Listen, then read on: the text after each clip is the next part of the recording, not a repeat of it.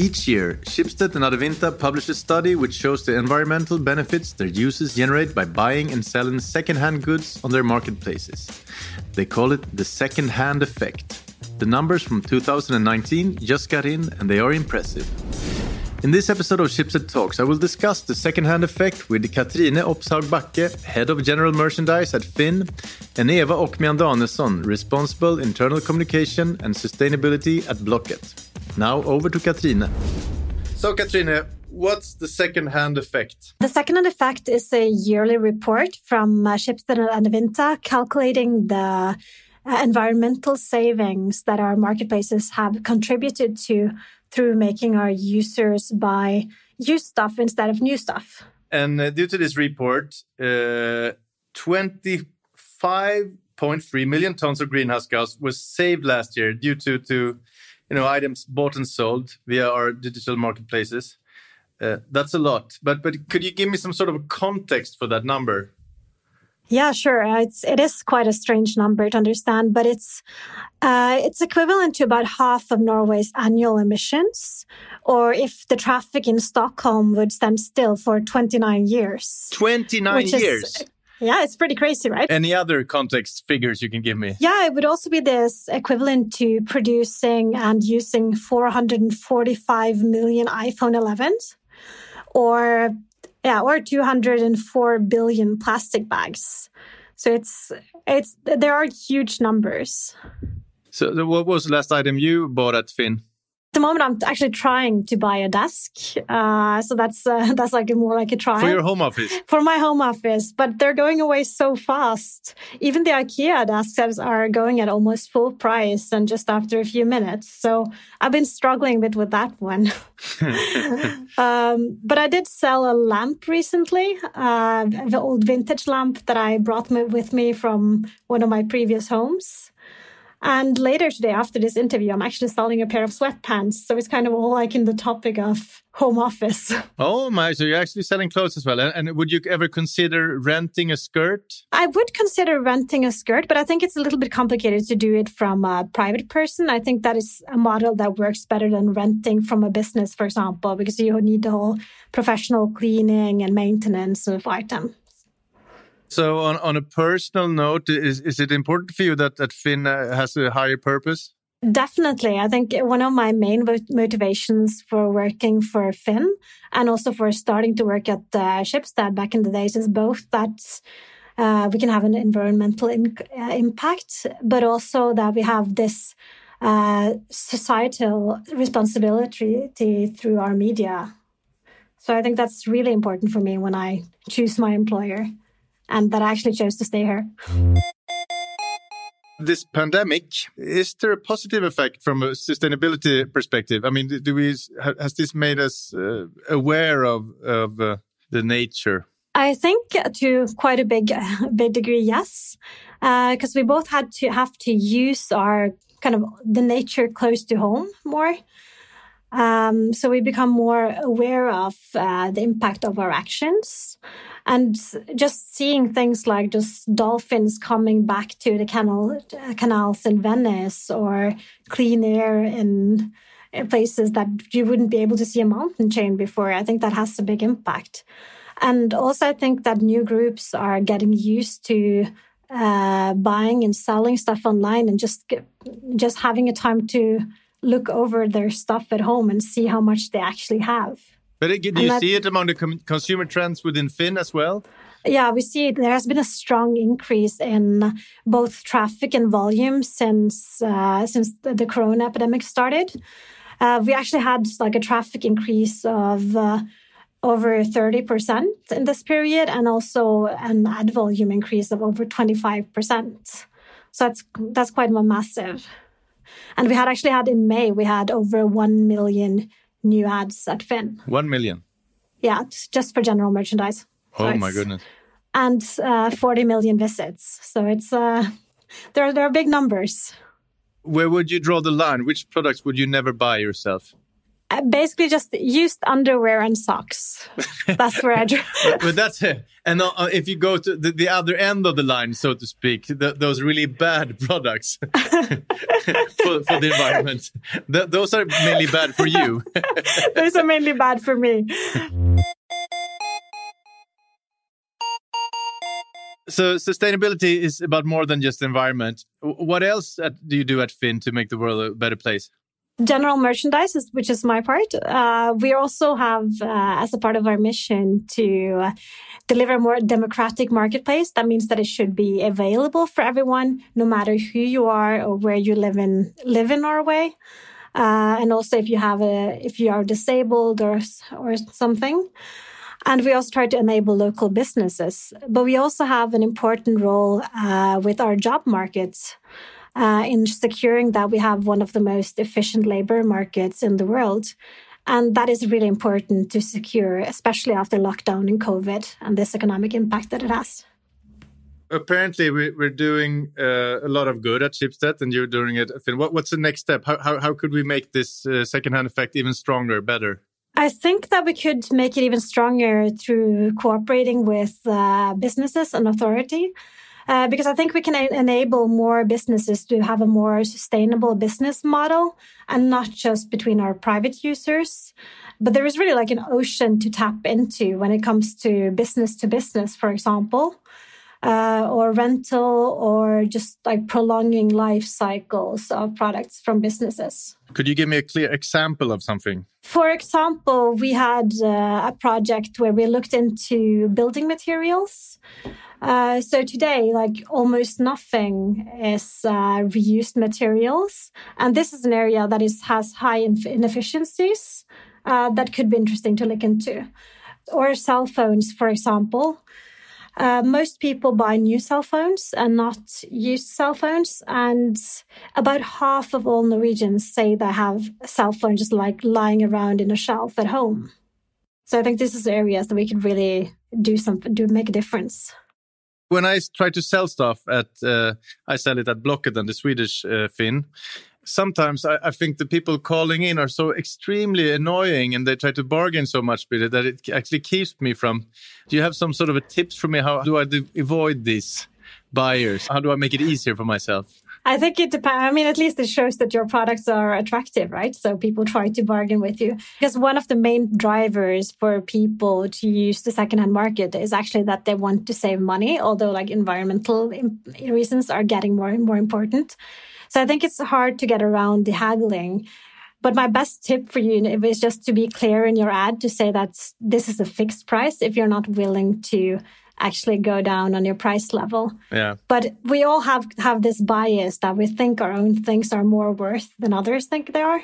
Yeah. So you yeah, can also course. maybe just like think about it again. What would you actually pay for this product if you bought it from someone else, from someone else?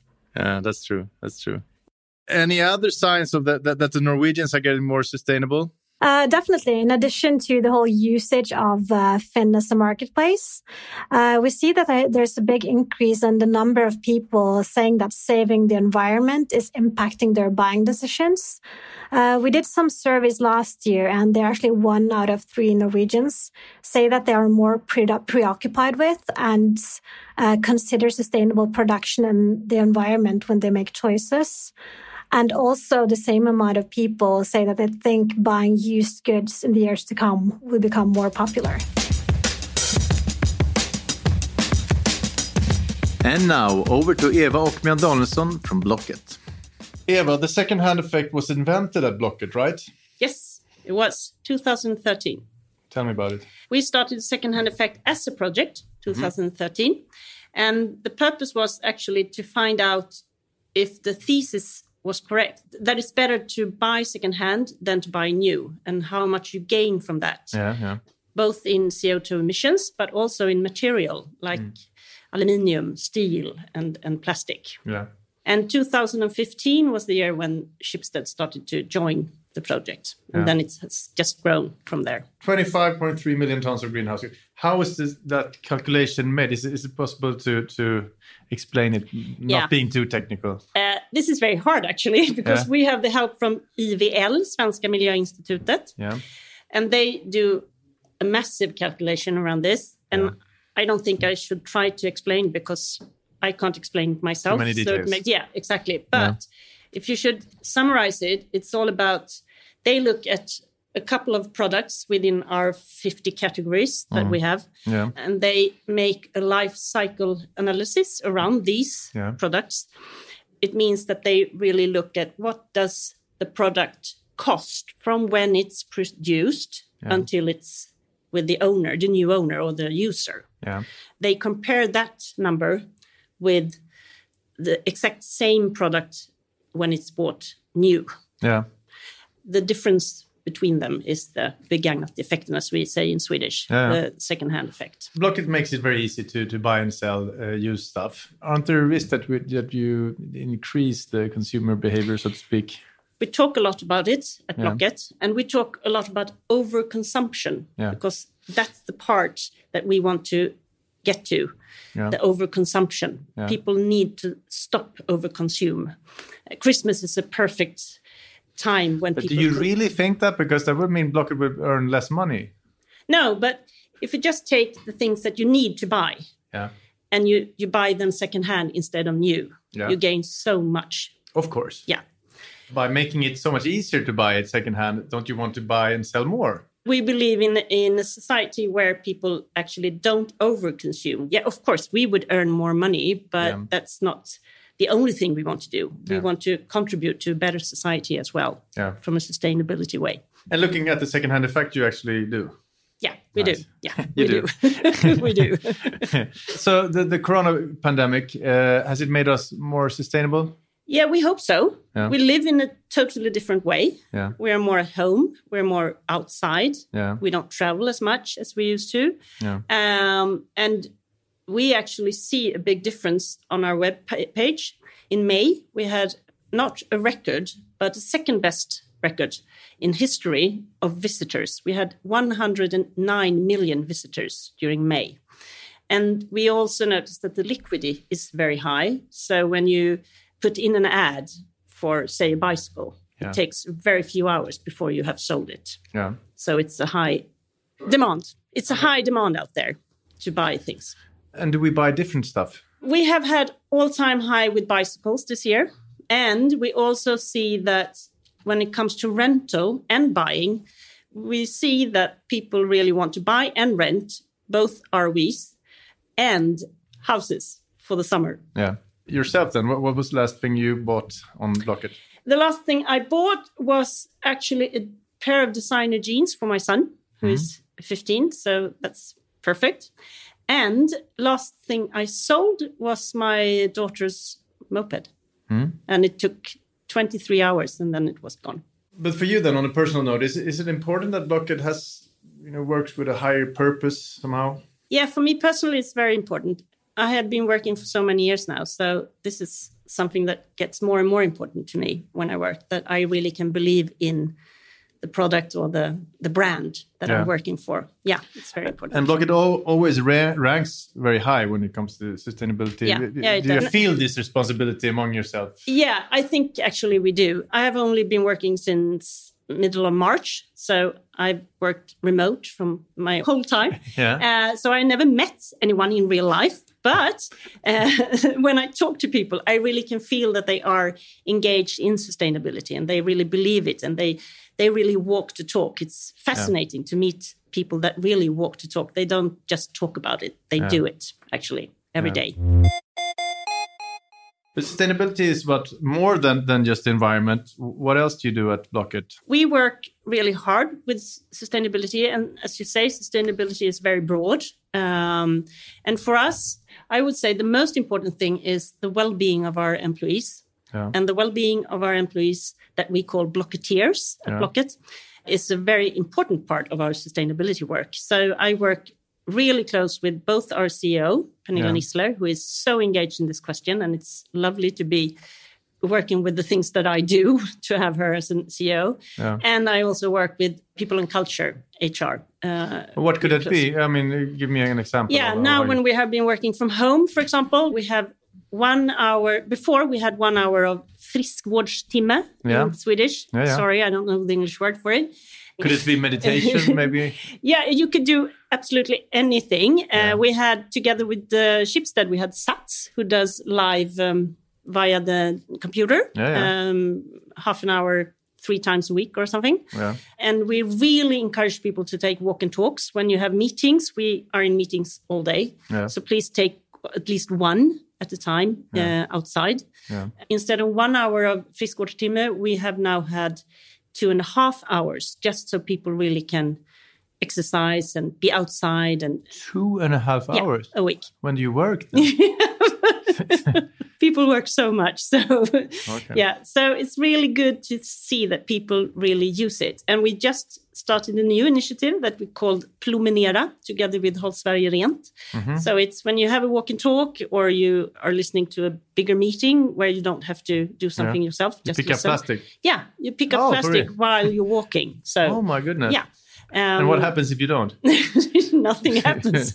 we don't work with punishments, but No. we really want people to get out there. So that's some examples for what we do for our employees. And another thing has been now during this period that we give people, I don't know the amount of time that people can work to do good things to help out with the Corona in some way or another. They can work Mm-hmm. Within the working hours? Yeah. So helping old ladies buying milk for... Yeah, ex- for example. Yeah. That's nice. Yeah. So we really believe in the well-being for our employees, and even more during this time when we don't meet, we don't see each other uh, regularly, and we can't really keep up with how are you today. Looking ahead then, how can we increase this second-hand effect? How can you become even better? We can work more with. Um, Find cooperations with other companies. Uh, for example, we have started a cooperation with IKEA. So, if you're an IKEA family member, you can add for free as an IKEA family member. Put an ad on Blocket. It's mirroring to the IKEA webpage, so you can see it there. So we want people more in the in the moment that they buy things.